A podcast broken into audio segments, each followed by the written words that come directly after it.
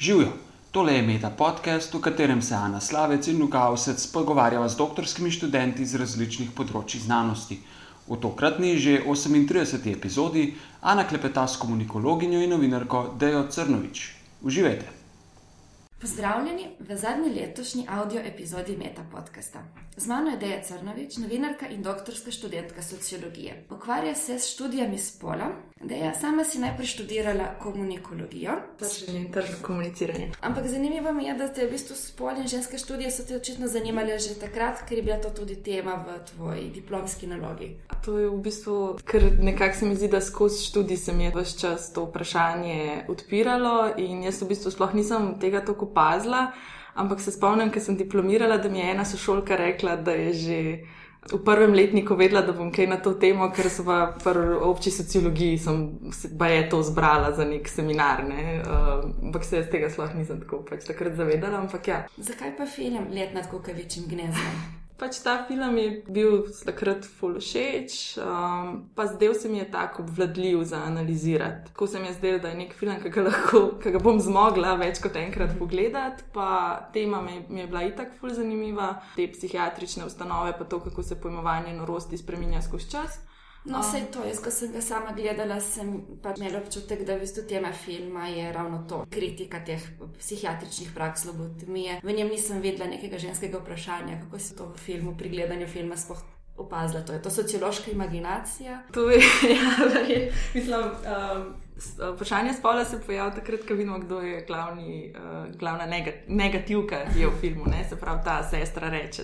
In v bistvu pač sama ta odsotnost žensk v filmu, oziroma kakšna je prisotnost žensk, se pravi glavna negativna vloga, ta nek monstrum ženske, ki ne, na neki simbolni ravni kastrira celotno to oddelek. Potem pa se pojavljajo še dve prostitutki v filmu, pa mislim, da so še pač te medicinske sestre, se pravi pač te v bistvu full um, take kliše klišejske vloge, ob strani pa dostko, po eni strani marginalizirane, po drugi strani pa tudi tako zelo um, tak, negativne vloge. No. Tle se mi je pač to odpiralo. In pa sem kar naenkrat si tako predstavljala, v bistvu, kako bi pa bilo, če bi bil film o tej sestri, reče, da bi skozi njene oči gledala te ljudi in Jacka Nicholsona, ki v bistvu pride v, on je na, psih, pač na tem psihiatričnem oddelku, ker je mladoletnico posilil, to res ni kul, cool, ampak pač v bistvu je tak anti-junak, ampak se mi zdi, da zato, ker je Jack Nicholson, je kar naenkrat tako malo frajer izpada, ne? pa tako mi se poistovetimo, kako se on bori proti sistemu, ampak ne, on je, on je pedofil, pa posiljevalec. In tako v bistvu iz tega sem potem film probala brati še z drugega vidika, da v bistvu ne, ni ona problem, te modeli so problem. Ne? Da si take probleme verjetno opazila tudi v drugih filmih iz, vem, iz tega obdobja, pa tudi danes. Je še kakšen tak primer filma, v katerem se ti zdi, da je kot si v tej nalogi ugotavljala, potlačeno žensko branje filma. Ja, itak, mislim, tega je ogromno. V bistvu tudi um, večina, um, prav v tem obdobju novega Hollywooda, um, v katerega so oddelek nad Kukavičim gnezdom, pride do razcveta tega badi žanra. Ne? Se pravi, da je osrednja ljubezenska zgodba v bistvu ni moški ženska, ni te klasične romance, ampak je kako se dva moška pobondata med sabo. Ne? In v bistvu tudi let nad Kukavičim gnezdom se oni v bistvu ne tleta um, moment vem, ljubezenskega zapleta, če temu tako rečemo. Tako da tega je ogromno. Um, ne vem, zdaj tako prav konkretni primeri, v bistvu verjetno kjerkoli film bi rekla. No. Zanimiv mi je recimo ta Pešdeli, um, od Alice Pešdeli, te avtorice stripov. To je zelo ful dobro, da bi vedela, kako se reče njen primek. Um, obstaja ta test, ki v bistvu je bil bolj žal po nekem njenem stripu, da film prestane ta test, če se v njem um, dve ženski pogovarjata med sabo, pa ne o moškem. In to je pač tako ful simple test, ampak ogromno filmov ga ne prestane. Tako da zdaj sem jih danes brala, da ta nov Star Wars um, ga, tako da ne, ful dobro. Bomo poiskali, pa mogoče da bo potem okay. med povezave v ja. opisu. Greva pa zdaj do tvoje doktorske naloge. Zdaj sama si v bistvu bolj novinar, kako si se sploh odločila, da boš um, se upisala na podiplomski študij in delala doktorat.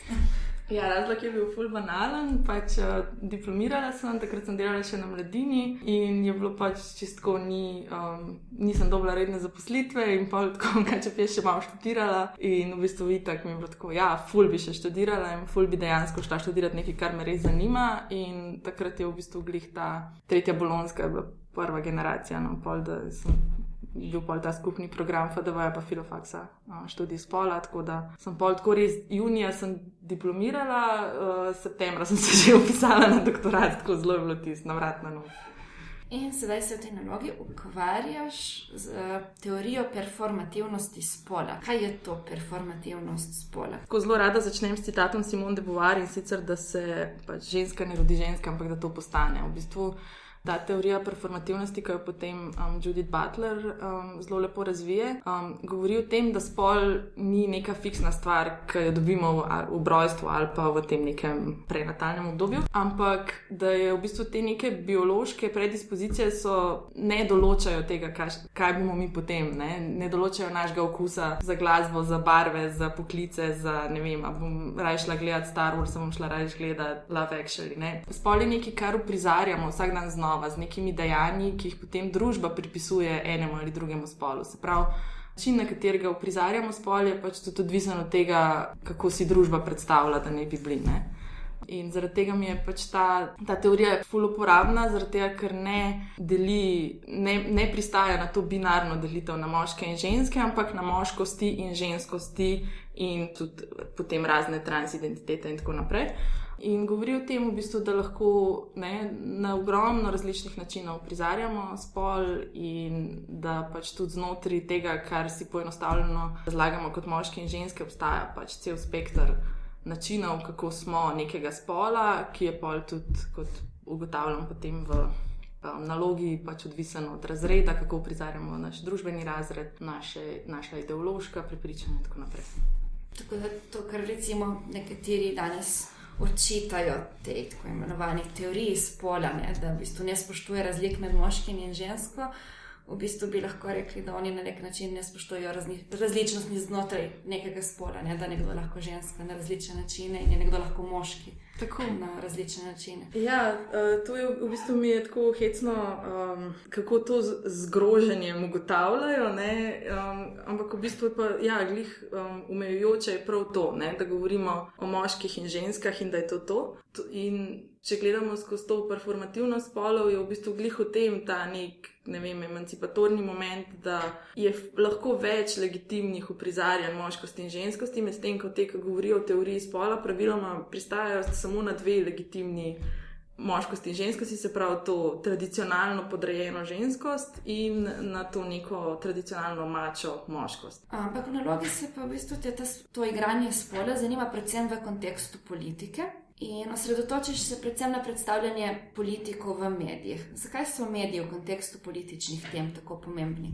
Tukaj gre za um, nekaj, čemu se reče um, mediatizacija družbe, ki pomeni, da v bistvu mi velik del doživljanja sveta lahko oziroma ga dojemamo prek medijev. Prav, mediji so nam osrednja referenčna točka. In zaradi tega se mi je zdelo pač smiselno se tudi um, tega lotiti, politike prek medijev, ker tudi politika je vse prilagaja medijem in tudi kampanje sploh ne so v bistvu do skrajnosti prilagojene logiki medijev in um, se mi je zato zdelo pomembno, da pogledam tam, ne? se pravi, prek česa mi, kot predstavniki in predstavnice družbe, pač spremljamo politiko, prek, prek kakšnih podob, kako nam je predstavljena, kakšna je v bistvu ta referenčna točka, iz katere potem. V kvantitativnem delu naloge navajaš raziskave, ki jih tudi dela tukaj portal Metina Lista, Meta Dekleta, o tem, kako so ženske zastopane v različnih slovenskih informativnih oddajah, kako pogosto so povabljene kot gostje. Zakaj je to pomembno? Pomembno je zaradi tega, ker s tem, ko se v oddaje vabi uh, samo moške, se pač s tem ustvarja oziroma bolj utrjuje stereotip, da so samo moški lahko strokovnjaki in da so samo oni lahko tisti, ki imajo kaj zapovedati. Medtem ko se, ne, jaz se spomnim, ko so imeli, kaj več ta oddaja, ki je imel slaka, so bila trenja ali kaj bilo, ki so imeli za 8. marec, kdaj pa posebno oddajo ženskami, ker zdaj pa lahko ženske povajo in potem so imeli te neke, mislim. Neumnosti so pač tam jih sprašvali, in valjda vse, vse skupaj je bilo grozno, ampak to je to, ne veš, kaj zdaj en dan v letu dajmo ne, ženskam priložnost, da malo povejo, potem jih pa pospravimo nazaj. Ja, o gospodinstvu, otrocih, tako ne. Potem jih pa pospravimo nazaj, pa se bomo moški pogovarjali. Recimo tudi zdaj, ki so bili um, v Parizu to zasedanje v Siriji, ne, so za mizo sami moški. Ne, se pravi, ko v bistvu vsem je samo umevno, da ko pridemo pa do resnih tem, so pa samo moški tisti, ki so poklicani za to. In dejansko stanje, pač tudi razmerja pač spolov v raznih področjih, so, imamo ogromno strokovnjakov in strokovnjakov, in stanje v medijih enostavno ne odseva tega, tega razmerja. Ne? In v bistvu s tem samo ukrepi in stalno ponavlja ta stereotip. Da In tako je podobno tudi v politiki. V kvalitativnem delu naloge obravnavaš šest študij primera pri slovenske političarje in tri političarke. To so Borut Pahor, Danilo Tirk, Lojze Petrle, od žensk pa Alenka Bratošek, Katarina Kresal in Ljudmila Novak. Zakaj si izbrala prav teh šest? V bistvu vse se je začelo s Borutom Pahorjem, ker je on začel s to svojo predsedniško kampanjo. Mi je uh, moj. Um, ena od dveh mentoric, ne poleg um, Brede Lutar, pa če moja mentorica še Milica Antič Gabr, mi je rekla, da, joj, da ne, tega bi se pa mogel nekdo lotiti. Ne. In jaz, seveda, je bilo to tako, mislim, tako zabavno. Sem rekla, ja, jaz bom letela pahorja, tako da on je bil v bistvu um, izhodišče in tudi pol tema mojega znanstvenega članka. Potem pa, seveda, ko začneš, mislim, smiselno je bilo pol primerjati in seveda pač prva logična izbira mi je bil Danilo Tirk kot njegov protikandidat, ki je v bistvu tudi služil kot nek kontrast oziroma kot neka osnova, do katere je Pahor gradil kontrast ne, s to svojo delovsko moškostjo. Potem sem pa pač uh, Lojzeta Petrleta, pa pač tudi kot še enega predsedniškega kandidata, ki je pa v bistvu tudi bil glavni protikandidat Danila Tirka in potem sem pol iz tega šla gledati. V bistvu je Tirk, ne ta središčna točka, do katerega sta pa ona dva um, prizarjala svoje moškosti. Pri političarkah je bilo pa tako, ne, nisem mogla vzeti um, kandidatke za predsednico, zaradi tega, ker edina taka resna kandidatka Barbara Brezigar ni dejansko potem um, pred in potem to delovala v političnem polju, tako da sem šla na predsednice strank in pač kakršno je stanje pri nas, so to tri. Prva predsednica parlamentarne stranke Katarina Kresal, DLS, potem Ljudmila Novak, Nova Slovenija in pa Alenka Bratušek, tudi pol, v bistvu kot prva premijejka in potem šele um, predsednica stranke. Poglejva si zdaj Boruta Pahorja, o katerem si tudi že napisala članek in enkrat si se verjetno v njegov primer najbolj poglobila. Zanima me v bistvu, kaj si analizirala, neka besedila, kakšna besedila, kako si izbrala te podatke. Um, ja, pri Borutu Pahorju je bila ta posebnost, da bi lahko v bistvu um, celo analizo naredila na podlagi podob. Njegova kampanja je bila zelo temeljito dokumentirana, v bistvu tudi glavno sporočilo je bilo slikovno vedno. Ne? Tudi ko se je poročalo o njem, velik, pač veliko krat sploh ni bilo neke blaznega besedila zraven, ampak so bile v glavnem fotografije ali pa na televiziji posnetki. In pač tudi ne.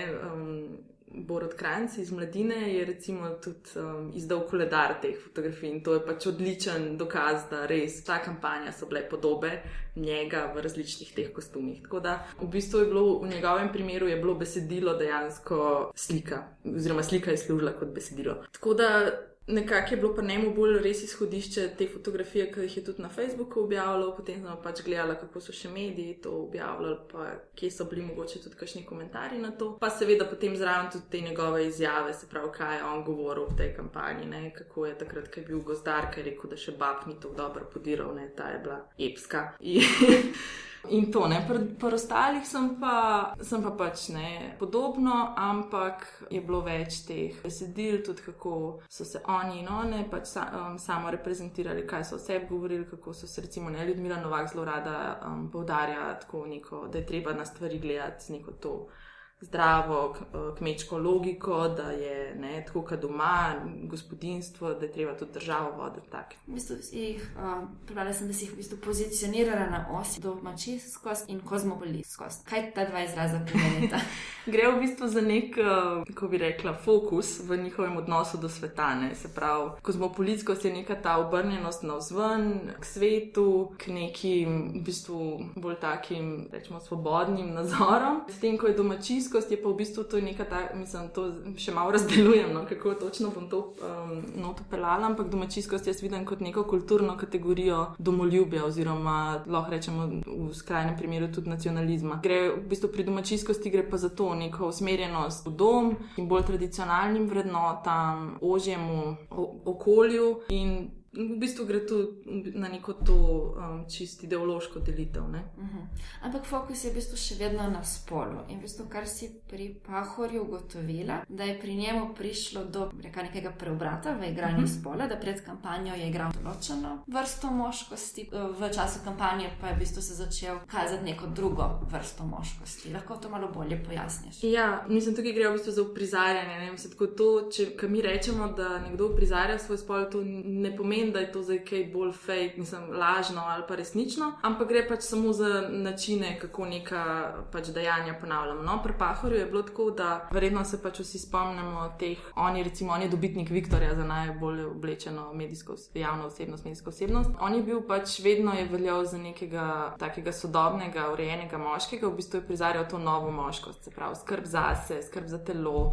Bil je tudi nekoč maneken, ne se spomnimo teh fotk, kako on sloni ob ograji in pije kop, to se mi zdi. Skratka, to je um, neka taka moškost, ki, pojavi, ki je v bistvu potrošniška moškost in se pojavi v Veliki Britaniji, mislim, da tam v 80-ih, 90-ih in potem takrat tudi pri nas. In on je v bistvu s to svojo novo moškostjo nekako signaliziral nek napredek znotraj stranke, neko obrnjenost k svetu, da so oni sodobna stranka, da so tudi blizu mlade, bolj primerni, se pravi, nek tak obrat od te njihove komunistične preteklosti. Medtem ko je pa med to kampanjo, ne, je pa v bistvu tako šel pa kontra, je pa v bistvu se obrnil pa nazaj uh, to neko mislim, nazaj v smislu v to domačijskost, ne? je pa začel uprizarjati to neko delovsko moškost, ki je uprizarjal predvsem tako, da je nosil te različne delov, delovske kombinezone, v bistvu kostume ne? in upravljal fizična dela. Ne? In je s tem neko zelo tako bolj mačistično moškost, um, tudi s temi izjavami, ki jih je imel, ne? je v bistvu naredil tak zanimiv zasuk no? k drugačnemu uprizarjanju. In tudi recimo glavno to, glavni ta kontrast med njim in med Tirkom, ki se je vzpostavil med to kampanjo, je bil, da je bil Tirk pač nekako vedno v obleki, urejen, ne? Pahor je pa potem pač bil oblečen v smetarja, v gozdarja.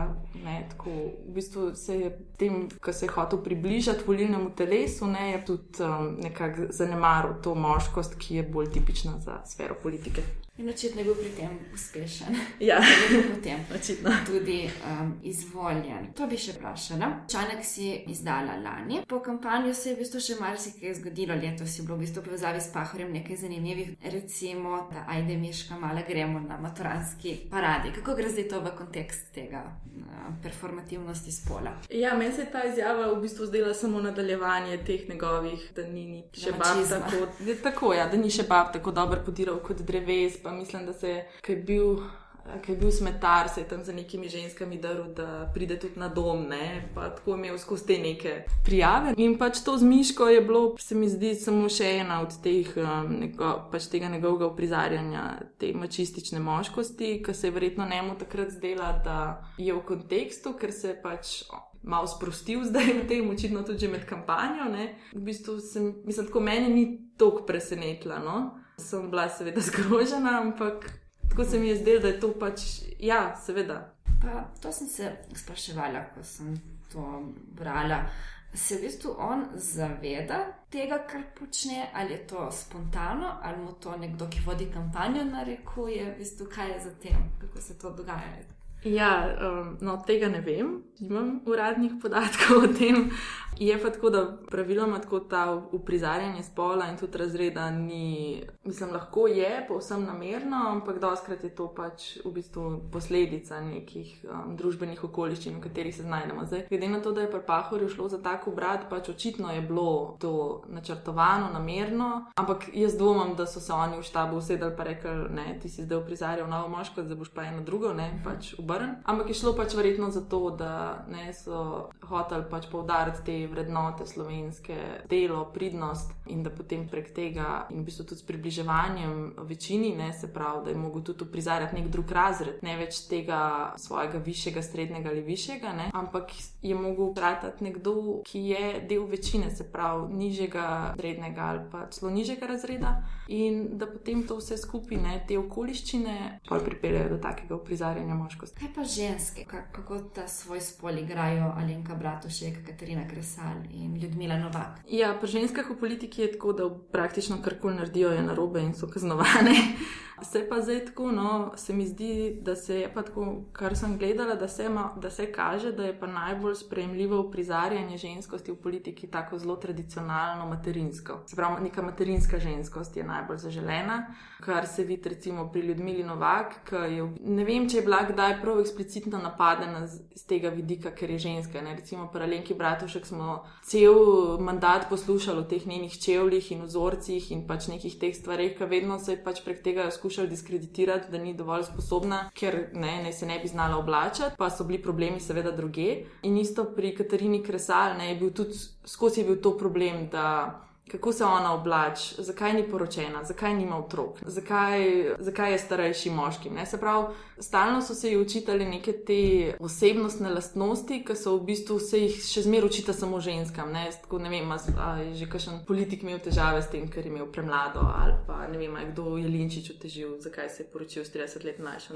In se mi zdi, da pač ta neka tradicionalna ženskost, ki jo prizadeva Ljudmila Novak, pa v bistvu tudi Angela Merkel, kar je pri Angeli Merkel zanimivo, da sama nima otrok, ampak jo ta njen lik, pa mislim, tako doskrat jo imajo za neko mamo. Ne? In da v bistvu ta neka materinska ženskost, no, to zelo je taka varna pozicija v politiki, očitno in neka, ki, ne, um, ki se politikom in drugim moškim, pa pol očitno tudi ženskam, ne zdi problematična. No? Torej, če bi v Sloveniji v prihodnosti želeli, da neka ženska zaseda pomembno politično funkcijo v državi, bi ta ženska morala v bistvu igrati na te karte družinskosti. Uh -huh.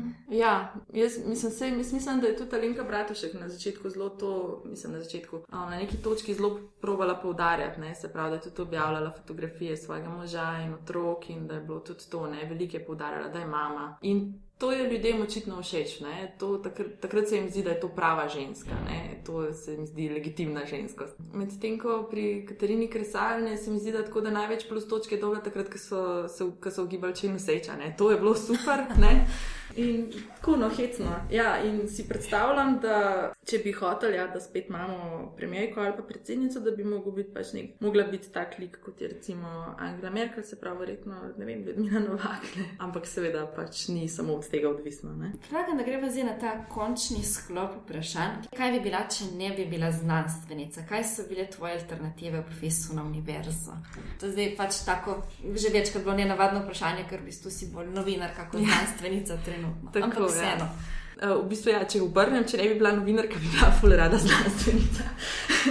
ne, um, v bistvu, ker sem se upisala na faks, sem uh, poleg te komunikologije, ki sem jo dala na prvo mesto, ker je bila najvišja omejitev, ne, tako da ni bilo že tako ful dobro domišljeno, sem dala še, mislim, da angliščino, pa primerjalno književnost, tako da verjetno bi šla v balotej vode. Drugač pa, v bistvu ne vem, jaz imam tako dosta take hecne ambicije in želje v življenju. Vem, da sem, ko smo to v osnovni šoli pisali, um, te kratkoročne, srednjeročne, dolgoročne plane, je bil moj plan, da bi rada ful pisala recenzije koncertov. in pač ne, ful sem bila ambiciozna in to zdaj tudi v bistvu občasno počnem. Tako da um, ne vem, milijon stvari. No? Koga od nam znanih ali neznanih osebnosti bi povabila na večerjo, če ne bi bilo nobenih omejitev? Ja, to, kar sem poslušala, ker si ti bila gostja, se mi zdi, da ima isti problem. Aha. Meni je to full stres, da bi pač ne to biti družabna in kuhati in to, mislim, vse se znam potruditi in tudi speljati, ampak v glavnem je stres. Tako da, zdaj, če gremo to, da ni omejitev, se pravi, da lahko tudi eh, koga, ki je že umrl. Um, bi pač valjda klišejsko Simon de Boar, um, pa Sartre zraven, če bi bil priden. Drugače, če bi pa tako zdaj, no, če že večjih, bi pa se mi pa zdi, da bi bila lahko kompatibilna z Metom Brnigarjem, to je pevec od The National, tako se mi zdi, ker ga gledam pač na koncertih. Da tako približno isto se nam odpelje. No? Tako da mogoče to. Če bi imela milijon evrov za poljubno raziskavo, kaj bi raziskovala? Ja, meni je milijon evrov tako abstraktna. Abstrakten znesek, ne vem, nimam pojma, ne znam si predstavljati, kaj to sploh pomeni, ampak verjetno ne vem, če bi to porabila, če bi znala porabiti za, za eno raziskavo, sploh ker ne glede na to, jaz, kako jaz delam med vikendi, tako sploh ne vem, pomenilo, da si dejansko plačam za to, da raziskuješ. Tako da mogoče bi probala, ne vem, ustanoviti neko organizacijo, ki bi omogočala mladim, oziroma tudi ne toliko mladim znanstvenikom in znanstvenicam, da normalno živijo in pač raziskujejo stvari, ki jih hoče raziskovati, ne tiste, ki prenašajo točke in zanimajo korporacije. Kaj boš počela čez pet let in kaj čez 40 let? Ja, ne vem. tako ta čez pet let mi je v bistvu ful težja. No? Tako se mi zdi, da ta čez 40, ko bom res, če bom dočakala, ne 70, si tako ful bi bila rada teta iz ozadja. No?